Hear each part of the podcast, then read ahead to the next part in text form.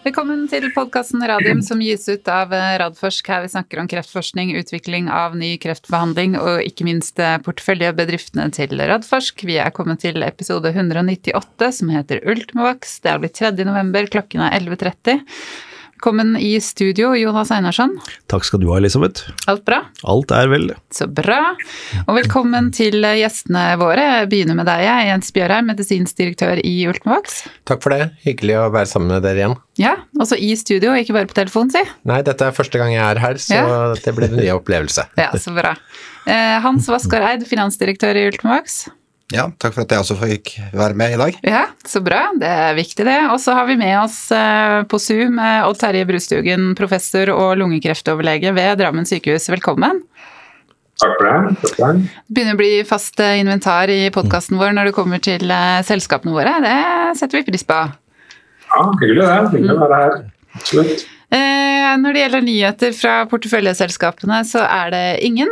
Og det kan forklares med at det er snart tredje tredje kvartalspresentasjoner. Ja, da er det kun eh, hvis det er noe børssensitivt som må meldes. Eller så prøver man å være stille i den stille perioden. Ja, så da er det ikke noe, noe, å melde, men det har skjedd eh, mye spennende i Ultimovax eh, som vi ikke har pratet om, så vi kan starte der. Men aller først så syns jeg vi skylder lytterne våre at dere gir en eh, kort introduksjon av dere selv. Vi kan begynne med deg, Jens. Jo, takk for det. Medisinsk direktør i Ultimavox. Det har jeg vært de siste fem årene. Eh, før det jobbet i farmaindustri i 15 år, og før det igjen var jeg lege på Radiumhospitalet og forsker i den gruppen der den eh, vaksinen kommer fra. Mm, spennende. Hans? Ja, jeg har vært i finansdirektør i Ultimovax eh, ganske nøyaktig seks år nå. Og Da jeg begynte for seks år siden, så var vi vel ni ansatte totalt. og Da pleide jeg å si at eh, jeg er økonomen blant alle de flinke fagfolkene. Mm -hmm. Fortsatt så er det veldig mange flinke fagfolk. Eh, vi er ikke lenger bare én økonom, så det har litt selskap av andre også der. Nå er vi jo 25 ansatte mhm. totalt i selskapet. Eh, bakgrunn. Så jeg jobbet egentlig veldig bredt eh, med forretningsutvikling og eh, investeringer. Mer enn ti år med investeringer i ulike settinger. Av de mest kjente selskapene så har jeg jobbet både i Storbrann og Orkla. Er, så jeg har jobbet en god del med vaksiner.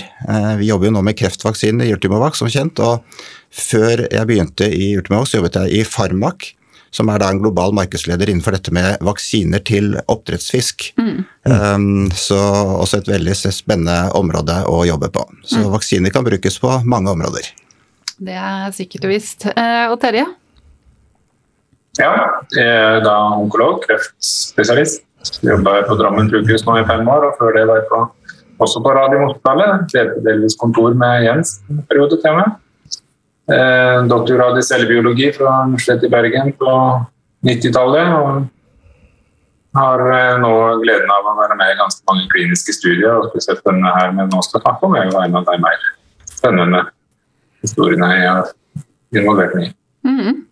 Så bra. Det er en fin overgang. Det, Terje. Da kan du egentlig bare fortsette å fortelle om, eh, om, denne studien som da ble lansert eh, forrige uke, og som skal gå, eh, gå i Norge på lungekreftpasienter.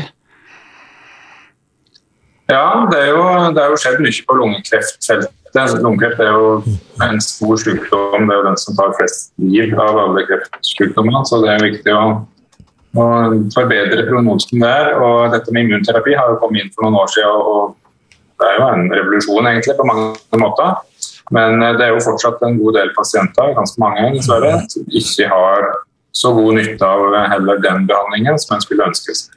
Så, eh, så, nå er det jo det å prøve å forbedre eh, effekten av immunterapi, eller øke sannsynligheten for god respons og god effekt.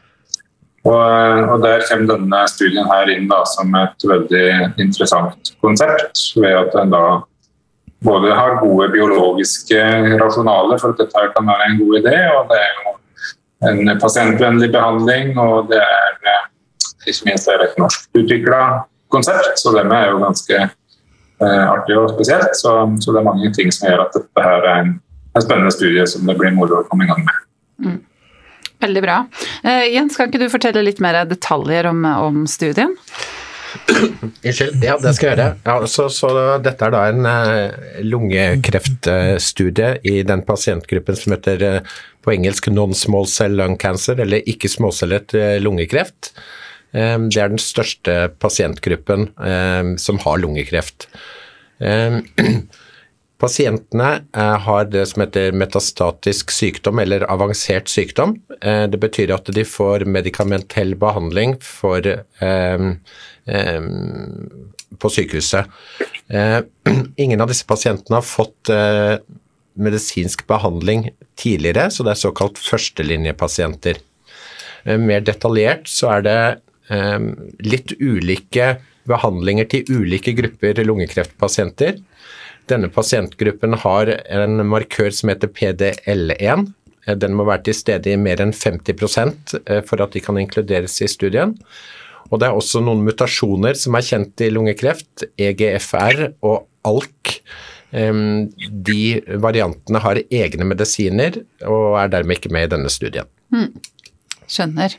Eh, og så er det du som er eh, nasjonal koordinator, eh, og Terje. Og så er det Drammen sykehus, så vidt jeg skjønner, som er sponsor? Ja, det stemmer. Og det er litt moro at et ikke-universitetssykehus, som da er det som har ledelsen i dette her, syns vi her ute på landet i hvert fall er litt gøy. Som alle andre syns det er like gøy, men det, det må med. Men nei, altså, det er jo det at vi nå kan eh, som heter, bredde ut denne studien til, til et stort antall sykehus og dermed et stort antall pasienter. Og, og det er jo da i utgangspunktet nå kun i Norge denne studien skal gå. og Det gjør jo da at mange pasienter i Norge som får tilbud om å være med i dette. Og det er jo mange som, eh, som er ivra for at en skal få pasienter inn i kliniske studier, ikke minst pasientorganisasjonene sjøl, men også fra politisk hold osv. Så, videre. så Så det å kunne være med og bidra der og, og få, få, gjort uh, dette tilbudet tilgjengelig for en stor andel av pasientene, det er vi, veldig glad for at vi har muligheten til. Da. Og, og som jeg nevnte, så er det en pasientvennlig studie, slik at det, det er jeg tror mange pasienter vil være veldig takknemlige for å kunne være med på dette. Så jeg håper at inklusjonen vil gå greit på den måten. Mm. Så bra. Det er jo da ti sentre i Norge som skal eh, være med, og dere skal inkludere totalt 138 pasienter. Um, hva tenker du, altså Du var litt innom det, men altså, hva tenker du det betyr for pasientene å få delta i denne studien? Jeg tror altså, det, mange, det å være med i studiet i seg sjøl er, er, jo bra, men, men, jeg tror nok mange pasienter har fått med seg at selv om immunterapi er et nytt og veldig godt tilbud, så er det mange som ikke har glede av den behandlingen. Så det å få muligheten til faktisk å forsterke sannsynligheten for, for effekt, er det mange som vil sette pris på. Og, og her er det da Pasientene skal uansett ta liksom grunnbehandlingen her, denne immunterapien, skulle alle hatt uansett. Men så er det da at en i tillegg får sprøyter som blir satt i, i huden, i skinnet, mageskinnet. Eh, Til sammen åtte sånne sprøyter. med, med denne vaksinen da, så er det noen tilleggsbehandling i tillegg, som eventuelt Jens kan si mer om. det er nødvendig, men, men, i hvert fall det er en enkel behandling som blir gitt i tillegg til det det uansett skulle fått. og Det ser ikke ut til at det er noe vesentlige bivirkninger som denne tilleggsbehandlingen gir heller, ut fra tidligere data. Så, eh, så jeg tror, eh, tror at eh, pasienter som betyr dette et stort framskritt på mange måter. Og det er egentlig ikke veldig mange ulemper å peke på som pasientene blir utsatt for ved å, ved å være med på dette prosjektet. Og så er jo det som alle like studier er, at det er jo, ikke alle, men denne studien her er jo er jo da randomisert, slik at det er jo halvparten som får behandling, og den andre halvparten får ikke behandling. Så det er klart det er en halvpart her som, som kanskje kan være litt snurt for det, men, men, det er jo likevel med. Det er viktig, det er også en veldig viktig del av studien at vi har en kontrollgruppe som, som vi også skal følge ganske tett for å se hvordan det går. Mm. Så bra. Når regner dere med å inkludere første pasient?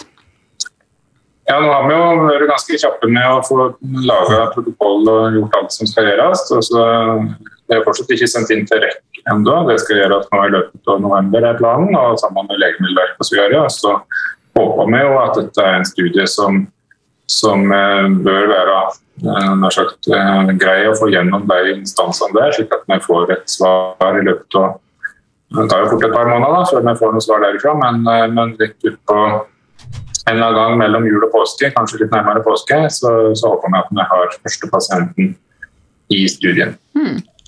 Og da, Hvor lenge vil dere inkludere, eller hvor lang tid anslår det at det tar å inkludere nær 140 pasienter?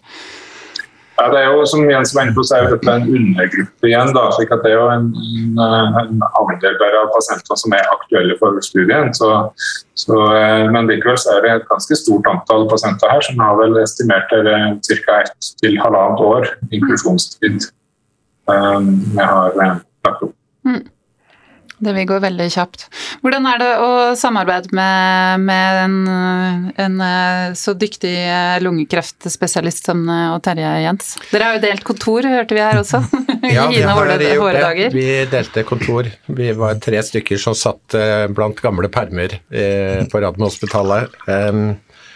I en periode. Det er, det er, veldig fint å ha med Odd Terje her. Eh, han var jo også med på den første lungekreftstudien eh, vi kjørte, eh, og kjenner jo eh, konseptet godt. Eh, det er eh, for oss vært interesse for lungekreft i lang tid, fordi lungekreft inneholder ekspresjon eller uttrykk av dette telemorase, som er vårt mål. Eh, og nå som eh, immunterapi er etablert som standardbehandling i den indikasjonen, så, så eh, er det veldig interessant indikasjon. Og på toppen av det å få med få et samarbeid med Odd Terje Brystugen og Norsk lungekreftgruppe som sådan er veldig positivt. Som jeg har forstått utenfra, så er det et godt samarbeid i Norge og eh, gode prosedyrer for å gjennomføre kliniske studier. Eh, så vi ser virkelig fram til dette samarbeidet. Mm. Veldig fornøyd med det. Mm. Veldig bra. Eh, jeg tenkte jeg skulle nevne, før jeg slipper deg og Terje, at Lungekreftforeningen har et seminar Det er mandag neste uke, er det ikke det? Blir det 8. eller 9. november? Hvor du skal snakke, og det skal vel streames digitalt, eller man kan møte opp. Hva skal du prate om der? Da skal jeg snakke litt generelt om immunterapi, eh, tenkte jeg, og, og, men også komme inn på dette med, med, vaksiner. Nå skal også en annen kollega av oss, Bård Brunsvik, som også har vært veldig involvert i disse studiene, her, han skal snakke litt mer spesifikt om kreftvaksiner. Men, men, eh, men, jeg skal snakke litt om immunterapi, og andre som skal snakke om andre ting. så jeg i den grad det er noen lyttere som er interessert i dette, så er det absolutt eh, relevant å koble seg på. Det er Mandag 8 november, som du sa, ja.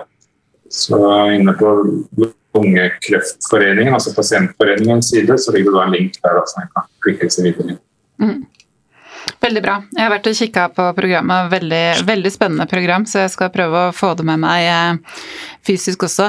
Men du, eh, Terje, vi må takke deg av, sånn at du rekker å få spist litt mat før du skal videre og eh, passe på pasientene dine. Men tusen hjertelig takk for at du var med oss igjen. Takk for invitasjonen. Hyggelig å være med. Ja, flotte greier. Ha det bra. Ha det godt. Sånn. Men da kan vi fortsette her i studio, for det har jo som sagt skjedd eh, flere ting som har vært eh, spennende for Ultimovax. Blant annet eh, så fikk dere jo en uh, dual, altså dobbel fast track av FDA for UV1. Kan ikke dere fortelle mer om uh, altså hva, hva, er dette, hva er det dere har fått, og hva innebærer det? Ja, eh, altså en fast track designation, det betyr at du har fått en eh, vurdering av eh, dataene som er gjort med det du utvikler. For vår del så er det sånn at vi har to studier som vi sendte inn til eh, FDA. Ehm, den tidlige melanomstudien hvor vi kombinerte vaksinen med Ipilibumab. Og den som det har vært mye publisitet rundt nå i sommer, eh, hvor vi kombinerer vaksinen med pembrolizumab. Eh, det som skjer, er at du lager en sammenstilling av de dataene, en såkalt dossier, som blir sendt til myndighetene. Og så gjør de en vurdering av de dataene som er den presentert der, opp mot sine egne data. Og egne data det er da en gedigen eh, database hvor de har informasjon om de pasientene som har vært i denne typen studier tidligere. Eh, når de gir oss eh, denne fast track designation, da, så betyr det at de på en måte anerkjenner eh, dataene som interessante for å kunne være en mulighet for bedret behandling av pasienter i fremtiden. Og Det gjør også at FDA er, mer tilgjengelig for oss i forhold til møter og diskusjoner. De er mm, kort sagt mer engasjert i det vi holder på med. Mm. Eh, videre framover så er det jo da sånn at vi må jo fortsette å levere data til de, men vi har da opprettet eh, en bedre kanal for å nå frem til godkjenninger eh, i fremtiden. Mm. Kan det også innebære at man kan få tidligere godkjenning enn det vanlige liksom, fase tre-løpet, med at man da eventuelt kunne få en midlertidig godkjenning, men at dere fremdeles kjører en, en fase tre, selvfølgelig, for å i alle fase 2-studiene våre så er det statistikk som forventet på denne typen studier. Så det er på forhånd definert hva som er en positiv studie. Og det som er eh, standardstatistikk i fase 2-studier, det er statistikk som fører til at du, du kommer til en situasjon, hvis studien er positiv, at det, du, man bør gå inn i fase 3. Mm. Eh, så det er på en måte grunnlaget. Samtidig så kan det jo også være sånn at det, eh, det legemiddelet som testes ut på toppen her, UV1-vaksinen, gjør såpass stor forskjell eh, for pasientene at myndighetene, ikke vi, men myndighetene, vurderer resultatene som så interessante at de, de ønsker å ha dette ut på markedet før en fase 3-studie. Mm. Så her er det dataene som avgjør. Mm. Uh, utgangspunktet er at vi forventer å måtte gå inn i fase tre, uh, men ved veldig gode resultater så kan man se for seg at det blir en diskusjon med myndighetene om eventuelle tidligere mulighet for pasienten å få dette på ja. Så bra. Og nå er liksom den dialogen den er lettere for dere å få. Absolutt. Ja, så bra. Veldig bra. Um, holdt på å si, Hvor mange, mange, studier har dere nå? Dere har fem fase to og én fase én? Er det riktig? ja, det stemmer. Det er faktisk eh, to fase én. Vi har jo også denne studien stemmer, eh, med den andre plattformen, mm -hmm. men med UV1 så er det fem fase to-studier og én fase én-studie som går. Og I mm. tillegg til det så har vi jo gjennomført tre fase én-studier tidligere, så det begynner å bli mye å holde orden på. Ja. Mm. Einarsson, du er nestor i det gamet her. Hvor vanlig er det at et selskap har så mange studier eh, gående?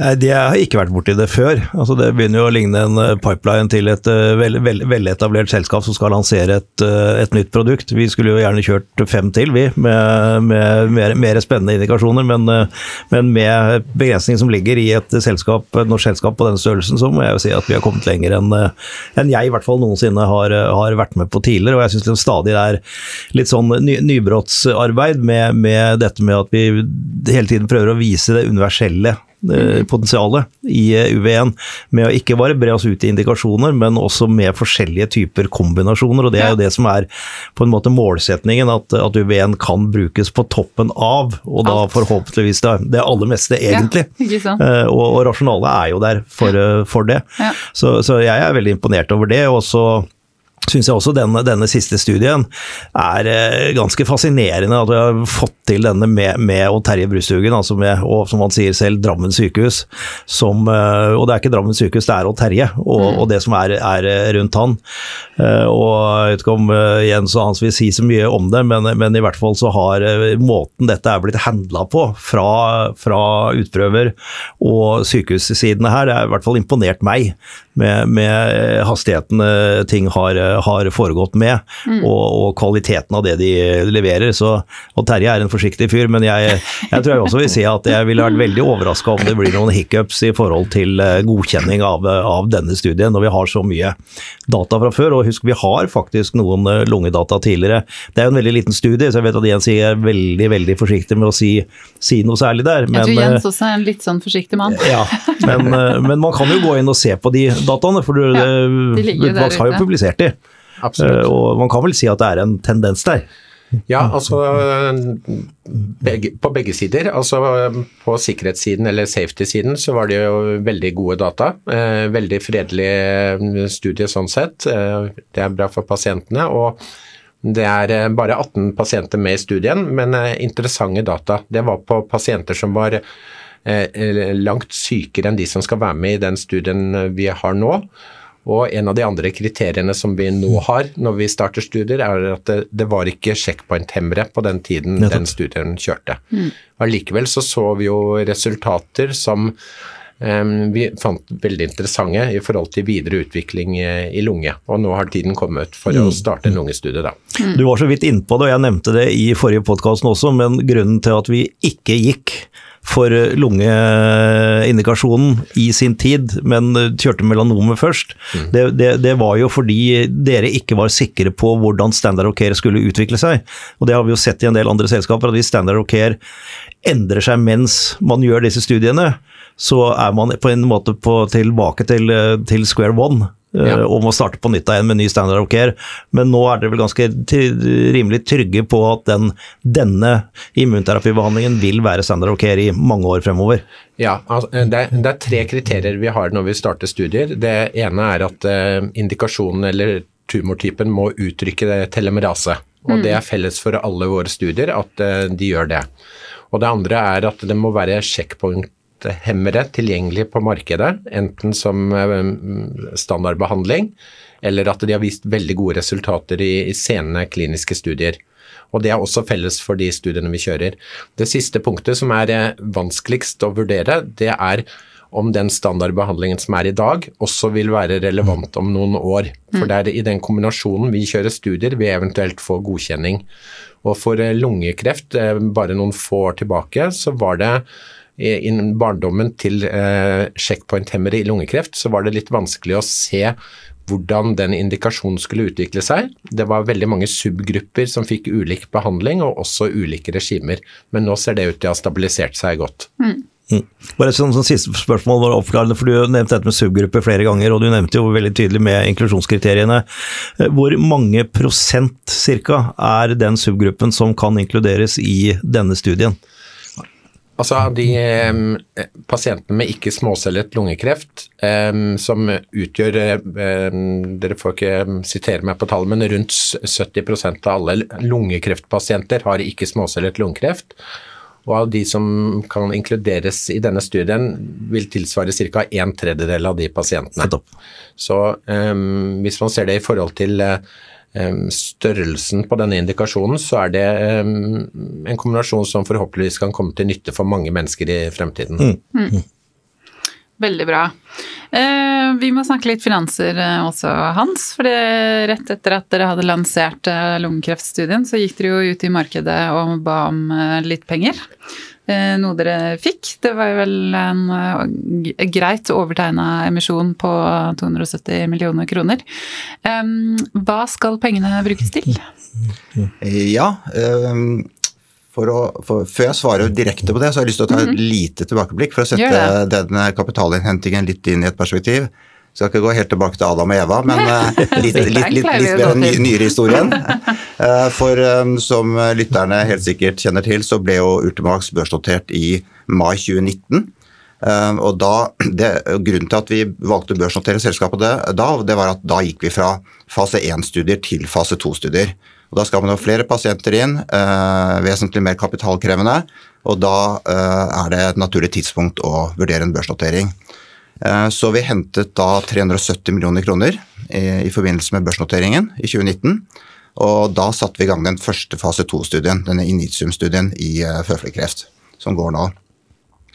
Um, og så er Det jo, det som er så fascinerende med UV1 som kreftvaksine, er jo det at den er universell, altså at den har den potensielt veldig bredt anvendelsesområde. Jonas har vært inne på det, den kan brukes i ulike krefttyper, ulike indikasjoner som det kalles, uh, og i ulike kombinasjoner med andre typer legemidler. Uh, immunterapi og også andre typer kreftbehandling. Um, og eh, det er jo spennende da å teste ut en, en universell vaksine i flere settinger enn den ene vi startet opp med. Eh, Så vi fikk jo ganske raskt også en eh, studie nummer to på bena, som var NIPU-studien i mesoteliom. brysthinnekreft, Brysthinnekreft er vel det det kalles på norsk igjen, så er det ikke det? Eh, Og, ehm, og så fikk vi da ett år etter børsnoteringen så fikk vi nok en studie, den tredje fase 2-studien, som vi kaller Dovak-studien i eggstokkreft. Um, og da hadde vi behov for å hente mer penger, for som sagt, studier koster penger. Så da hentet vi 160 millioner kroner et år etter børsnoteringen, det var mai 2020. Uh, og så fikk vi, uh, etter å ha hentet de pengene, i tillegg til Dovak-studien, så fikk vi en fjerde studie på gang, som vi kaller Fokusstudien, i uh, hode-hals-kreft. Um, så vi har jo jevnt og trutt breddet da denne, dette kliniske utviklingsprogrammet.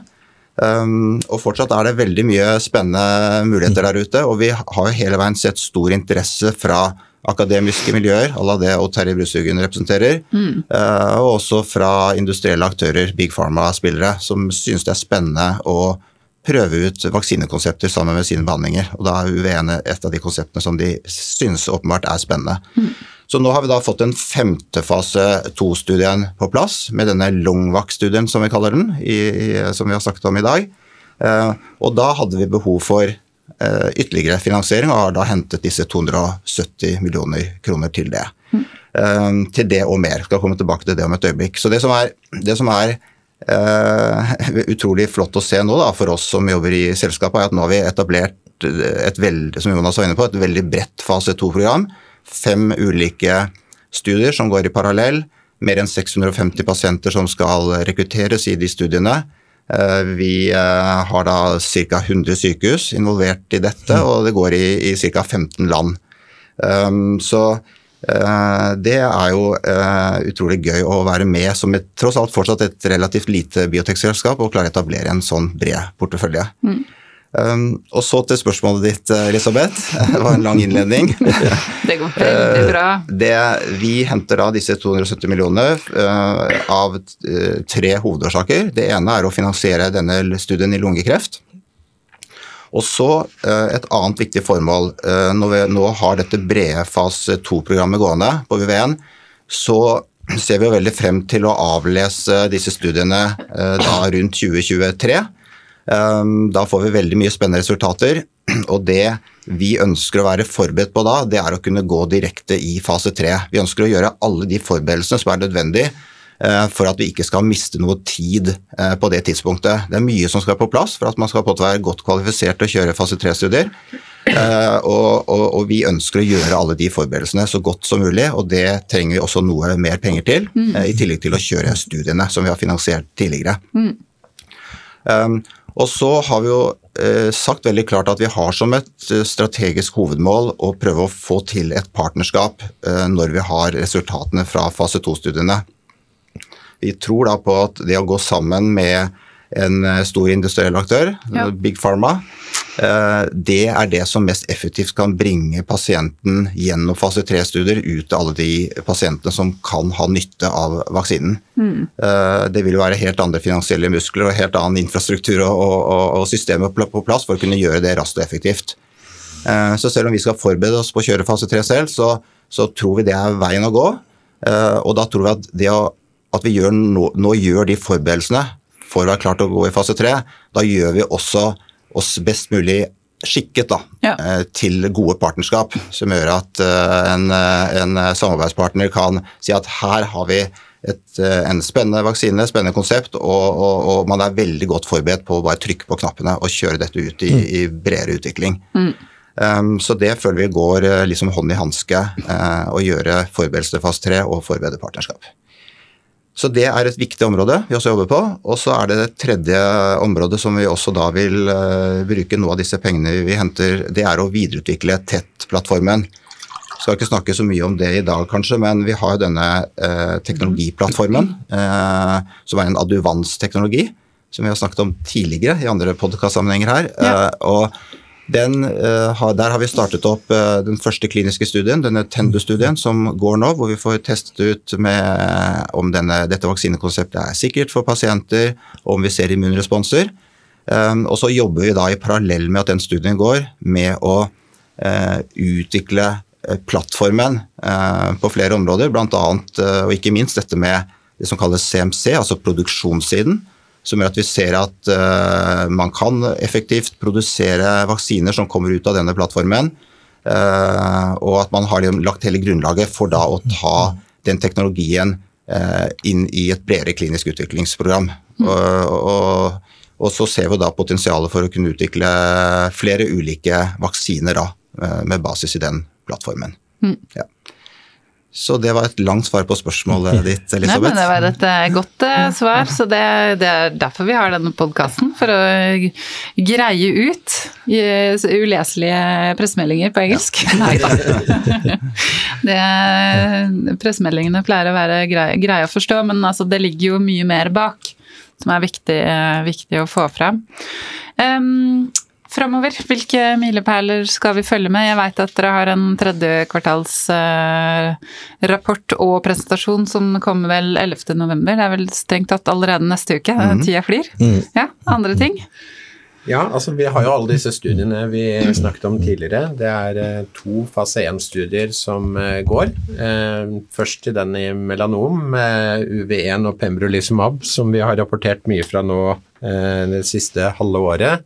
Der vil det jo komme nye data. Vi følger jo disse pasientene på årlig basis. og mm. det er også planlagt å publisere dataene um, i en skriftlig publikasjon, som eh, er vanlig ved kliniske studier. Og vi håper også å få uh, dekning på konferanser uh, fremover. Så der vil det komme oppdaterte data um, når de er tilgjengelige. Uh, for Tendu-studien, som er den første studien på TET-plattformen, så er jo den godt i gang, som vi vet. Eh, Vi har eh, inkludert eh, pasienter både på et lavt eh, dosenivå og på et midlere dosenivå nå, og forventer å rapportere resultater fra den studien i løpet av neste år. Når det gjelder de fem fase 2-studiene, så, så er jo på en måte en generell milepæl for oss nå, kanskje både internt og eksternt, er jo at nå skal jo over 650 pasienter inn i disse studiene. eh, Så det blir masse engasjement rundt det. Mm. Vi bruker mye av tiden vår på å være i kontakt med utprøvere og diskutere ulikt eh, omkring studiene og eh, ha et godt engasjement rundt det vi driver med. Eh, og det blir jo da rapportering fra disse studiene da, eh, om eh, ja, eh, litt over ett år til eh, to år eh, framover i tiden, så kommer jo primærendepunktene fra disse studiene. Så eh, det er vel hoveddelene som kommer den neste tidsperioden. tidsperioden. Jeg vet ikke om det er noe å tilføre, Hans? Så. Nei, i, i tillegg til dette som går på UV1, så jobber vi selvfølgelig med denne utviklingen av tett, eh, TET-plattformen. da. Så vi når jo selvfølgelig noen viktige milepæler der også, hvor, eh, hvor vi på et tidspunkt bestemmer oss da for å gå eh, videre i klinisk utviklingsløpet der. Ja. Ja. Veldig spennende. Eh, Vi har fått inn en drøss med spørsmål fra lytterne, så jeg tror vi bare gyver løs på dem. Eh, Første spørsmål er ville samtlige pasienter som skal innrulleres i Lungvak uansett fått pembrolizumab? Og det svarte vel Terje bekreftende på i stad. Ja. Er det med andre ord helseforetakene som betaler for denne medisinen? Ja, altså dette, denne pembrolizumab for disse lungekreftpasientene, det er standardbehandlingen eh, de ville fått på sykehusene. Og i denne studiesammenhengen da, så får de pembrolizumab eh, på den måten, og blir da randomisert til å få vaksine eller ikke vaksine på toppen. Ja. Så disse pasientene som inkluderes i lungekreftstudien, de vil ha em, omtrent den samme indikasjonen som det man kan lese i felleskatalogen for eh, pembrolizumab. Men spørsmålet var hvem som betaler for, eh, for det. Er det helseforetakene? Ja. Ja. Eh, og så er da videre spørsmål rundt det. Dere har altså ikke et offisielt samarbeid med produsenten av pembrolizumab, men har dere hatt en dialog med MSD forut for denne studien? Også sånn eh, generelt så er det vanskelig å kommentere på sånne det. spørsmål. Ja, Eh, jeg jeg vil si at denne studien er jo en studie som er sponset av Drammen sykehus og Odd Terje Brustugen. Og eh, det er han og de som på en måte har vært i dialog med oss for å få på plass eh, denne studien her. Eh, Ja. Vi har ikke hatt noe eh, behov for å engasjere oss mer i, i hvordan den skal se ut i forhold til medikamenter eh, enn det han har stått for, og vi står for vår del med vaksinen eh, i denne studien. Supert. Eh, er det mulig å tenke seg en mRNA-versjon av UV1, der man får kroppen selv til å produsere de peptidantigenene UV1 består av? Vil i så fall deres allerede innvilgede patenter dekke en slik vaksine? Det, ja, det er jo eh, naturlig at det er interesse for dette feltet i disse tider, hvor alle snakker om Det mRNA-vaksiner. kan man si. Um, og nå har vi vel ikke noen av liksom, de tekniske ekspertene med oss i studio i dag. Uh, det jeg tror de ville svart på, er at sånn i prinsippet så kan man vel tenke seg at man, at man kan utvikle en mRNA-versjon også av eh, UV1, at det er teknisk mulig. Uh, utover det tror jeg ikke vi skal gå noe inn på teknologien her. Nei. Når det gjelder andre del av spørsmålet, uh, om våre patenter dekker en, en slik vaksine, så vet jeg at vi har tatt høyde for dette i vår patentstrategi. Eh, men vi kan, vi kan ikke kommentere på hva som dekkes og ikke dekkes av på en litt mer hypotetiske vaksineløsninger innenfor dette feltet. Det blir en veldig vanskelig oppgave. Ja, det skjønner jeg. Eh, Du kan få kanskje et enklere spørsmål. Det er blitt nevnt at selskapet var veldig engasjert i tildelingen i siste emisjon. Hva var kriteriene dere la til grunn her? Fikk det nederlandske spesialistfondet Nyenburg en ny sjanse? Kan kanskje forklare først hva tildeling i forbindelse med en emisjon innebærer? Jeg tror styreleder kanskje kan, styreleder, kan svare, svare på dette. Det er styrets ansvar. Ja. Og det er, det de tenker på er allokeringen Ja. av eh, aksjer. Vi, vi sitter jo da med en bok eh, av interessenter som eh, har tegnet seg for visse beløp til visse priser. Mm. Og ut ifra det blir det satt en pris og et beløp. Denne gangen var jo beløpet satt på 270 millioner. Og prisen ga seg, og det var, det var da god dekning på 125 kroner på det. Eh, Og så gjør bankene en jobb. De går gjennom eh, alt og kommer med en innstilling til styret om hvem som skal få i eh, allokeringen, og hvor mye prosent de forskjellige skal få. Og så gjør styret en avveining i forhold til det. Hvilken type investorer er det? Er det kortsiktige? Er det langsiktige? Er det institusjonelle? Er det private som har eh, vist stort engasjement fra før? Er det tidligere aksjonærer, ikke minst? Eh, Og alt dette danner grunnlaget for hvordan vi konkluderer i allokeringen. Ja. Eh, Detaljer i den allokeringen, det får folk lese aksjonærlistene for å finne ut av. Det kommenterer vi aldri på. Ja. ja, men det er bra. Takk for det. Ehm, så er det et spørsmål i forhold til rasjonale for å kjøre studien, altså Lungevak-studien, bare i Norge. Og er det planer for å utvide studien til å omfatte andre land? Vi diskuterte dette med Odd Terje tidlig. Eh, Han hadde en diskusjon med sin eh, lungekreftgruppe, og det var veldig stort engasjement for denne studien eh, i Norge. Eh, Pga. pasientantallet som er i Norge, så er det på en måte tilgjengelige pasienter for å inkludere eh, over den tid som er forutbestemt. Så i forhold til inklusjon og lengde av studien, så, så er Norge nok til å, å møte det. Eh, I tillegg til det så er det sånn at eh, pembrolizumab er eh, standardbehandlingen i Norge for denne pasientgruppen, så alle får det. Det er også en del av eh, guidelines og anbefalingen for hvordan disse pasientene skal behandle. Og dermed så blir det en, en homogen gruppe da, og Ja. enkelt å forholde seg til. Og ikke minst eh, siste, eh, her har det vært eh, gått veldig fort. Eh, ved å forholde oss til én myndighet og ett land med det landets eh, på en måte medisinske behandlingsopplegg, så, så gjør, det veldig, gjør det veldig mye lettere å få startet en sånn studie raskt.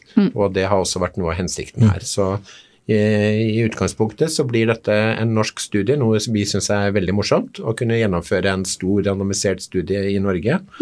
Og det viser seg, i hvert fall hittil, å være et eh, stort engasjement blant legene for å få gjennomført dette på tid. Et, et tilleggspoeng Jens, som også er der, det er jo pandemien. Eh, og, vi har jo sett f.eks. I, i England, hvor vi har møtt eh, store utfordringer i mange av selskapene. Hvor det har, plutselig så har det vært litt åpent, og så har inklusjonene gått bra, og så det- blir det stengt ned igjen. Eh, og sånn gjelder jo, som du sa, sa Jens, vi er jo mange i, i mange land. Og dette gir jo en veldig god oversiktlig situasjon for oss i forhold til eh, også at eh, pasientene stort sett kan reise inn til, eh, til sykehuset de får behandling. Og også i denne studien så er det viktig å igjen understreke at det er, det er veldig lite i tillegg til det de allikevel ville fått. Og de, de, er omtrent inne på de samme, samme, konsultasjoner. Jeg vet ikke, Det er kanskje noen flere konsultasjoner om man er med i studien eller ikke, men, mm. men, men det er, og Terje brukte uttrykket, en veldig pasientvennlig studie. Ja. ja. det er en veldig pasientvennlig studie. Det er, det er eh, få eksklusjons- og inklusjonskriterier som eh, gjør at pasienter blir utelukket. Så dette blir et tillegg til standardbehandling som blir lett å håndtere for, for legene, tror vi. Mm. Og så er da spørsmålet legger det at studien kjøres i Norge begrensninger for eventuelle godkjenninger i EU eller USA? Ja, det, det spørs man, hva man mener med godkjenning. Så ja. også denne studien, som våre andre fase 2-studier, er typiske fase 2-studier med den statistikk og den håndtering av endepunkt som er forventet for å kunne bruke resultatene videre. På generell basis uh, så er det vel slik at for å få godkjenning i USA, mm. så er det nødvendig å ha amerikanske pasienter i studier. Ja. Uh, for denne indikasjonen, som for andre indikasjoner, så vil det jo være nødvendig eh, med fase tre-studier, som da måtte, må inkludere pasienter fra andre kontinenter ja. for å få mm. fullstendig godkjenning. Mm. Uh, ja. Uh, gå videre på TET-plattformen. Hvor mange forskjellige peptider kan festes på TET-molekylet? Er det noen størrelsesbegrensning i størrelsen på peptidene? Ja, Det er jo hyggelig å se at det er interesse rundt eh, TET-plattformen, og også, også, litt mer detaljerte spørsmål. Er, da viser jo at folk engasjerer seg i det vi holder på med. Ja, det setter vi pris på. Ehm, her eh, må vi dessverre være litt sånn eh, avvisende i forhold til hva vi kan dele av informasjon, eh, og ber om forståelse for det. Mm. Fordi vi har jo IP-patentprosesser gående, ja. naturlig nok, på denne type teknologi. Så vi kan rett og slett ikke på der vi er per i dag, dele den type informasjon. Men vi gleder oss til å komme tilbake med den type detaljer senere. Så bra. Ja. Eh, og så er det et spørsmål om dere har sett noen innledende tegn til immunprofil fra tett, men der har dere vel ikke gått ut med noe, så vidt meg bekjent? Nei, og det er jo det er klart alle, alle typer data som vi genererer, om det er fra studier eller om det er fra prekliniske aktiviteter osv., det eh, ting som er vesentlig, det ønsker vi å dele med markedet når vi er eh, klar for det, og det vil ja. vi gjøre. og Da må vi dele det med hele markedet samlet, og ikke i en podkast. Selv om denne når veldig bredt ut, eh, så må vi allikevel dele med hele markedet når vi har noe med det. Ja, ja det er greit. Vi får gå for denne gang. Eh, neste spørsmål. Har dere funnet flere telomerase-alleller som kan tenkes å ha en sammenheng med lang overlevelse i pasienter fra de nyere studiene, og finner dere noen sammenheng i dem som får komplett respons, altså pasienter med komplett respons. Det er kanskje på sin plass å si noen ord om telomerase eh, mm. som sådan. Eh, bare helt først, så generelt så jobber vi jo med prøver fra pasientene i alle våre studier. Eh, både prøver tatt før behandling, under behandling og etter behandling, for å få mer forståelse av hvordan en kreftvaksine fungerer og også hvordan den fungerer sammen med, med checkpoint-hemmere. Ja. Når det gjelder telomerase, eh, som er vårt mål, så helt kort så er det jo da sånn at alle kreftceller de trenger en strategi for evig celledeling. Hvis de ikke har en strategi for det, så er de heller ingen kreftcelle.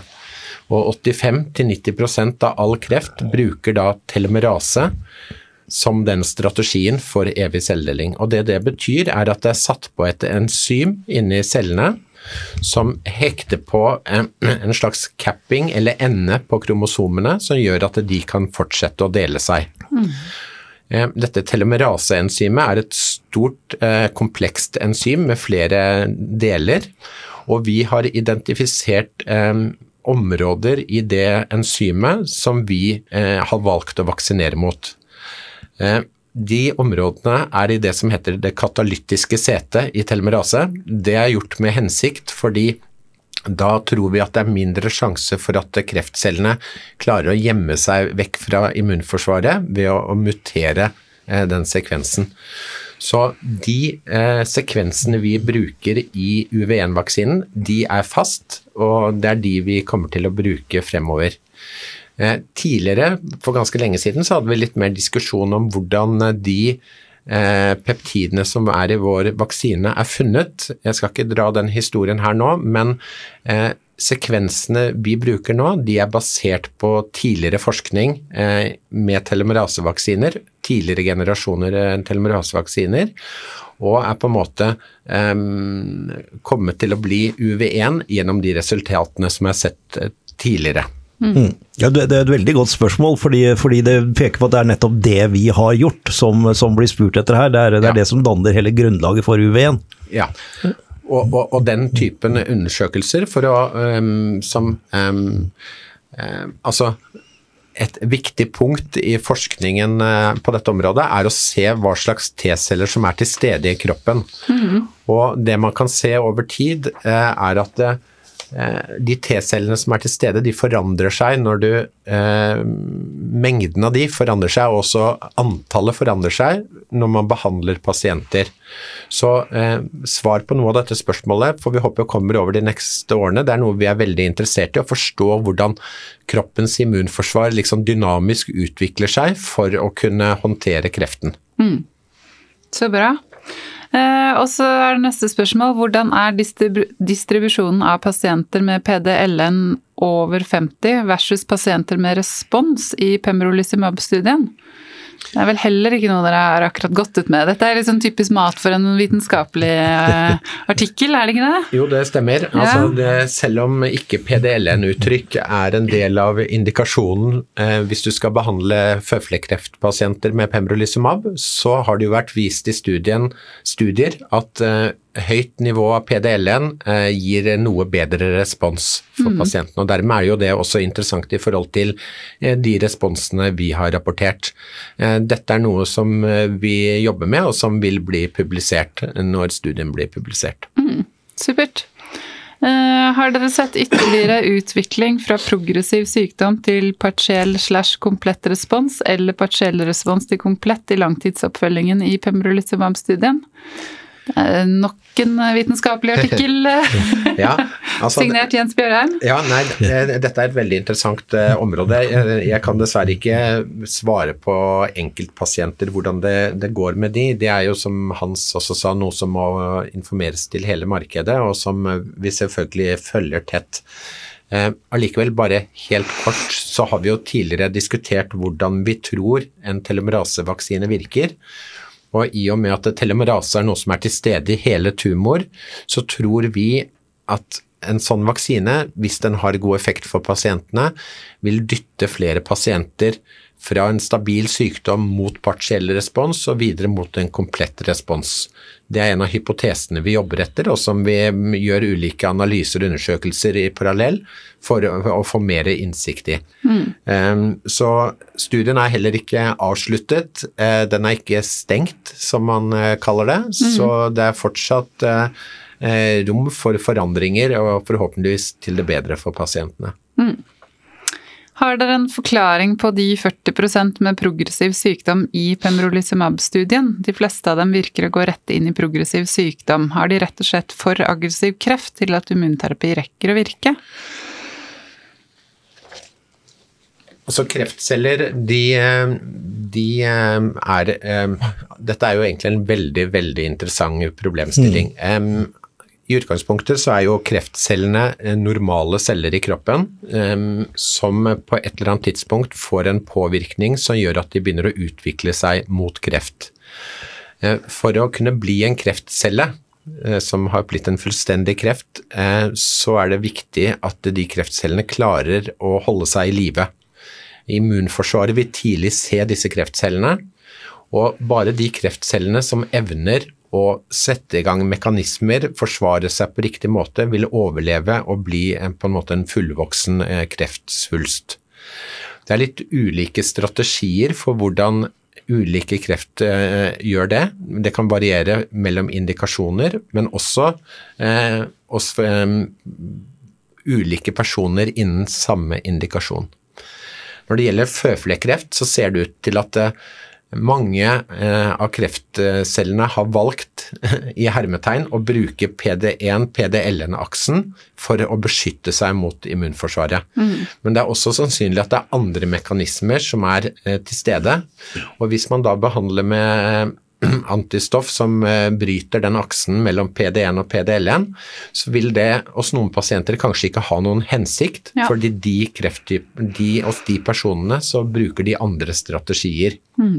Så Derfor håper jo vi virkelig at eh, over det neste tiåret at det kommer ytterligere eh, legemidler som, der man har identifisert andre sånne beskyttelsesstrategier fra kreften sin side, som kan brytes med legemidler. Eh, vi ser jo noe av det har kommet allerede nå eh, til ganske sene studier, f.eks. LAG3, eh, som rapporterte nå for kort tid tilbake.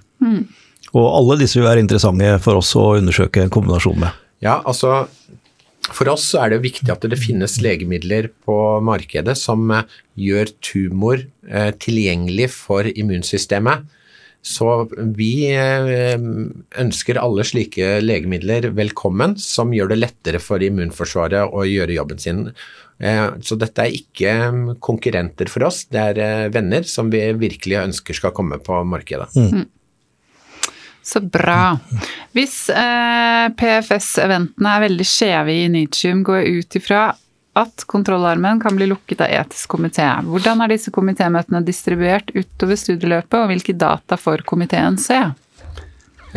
For eh, Initium-studien så er det en eh, gruppe mennesker som er uavhengig fra studien, eh, internasjonale eksperter som møtes jevnlig for å vurdere sikkerhetsdataene i Initium-studien. Vi har hatt veldig mye, mange møter nå i starten av studien når de første pasientene blir inkludert, og de følger også studien tett gjennom hele inklusjon og til en stund etter de er ferdigbehandlet.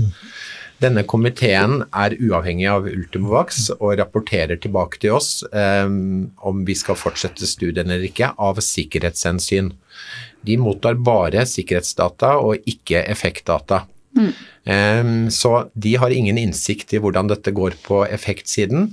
Eh, Den eneste situasjonen hvor de vil kunne få noe sånn informasjon, er hvis det er veldig spesielle sikkerhetsdata som tilsier at de må eh, ha mer data for å kunne forstå hva som skjer.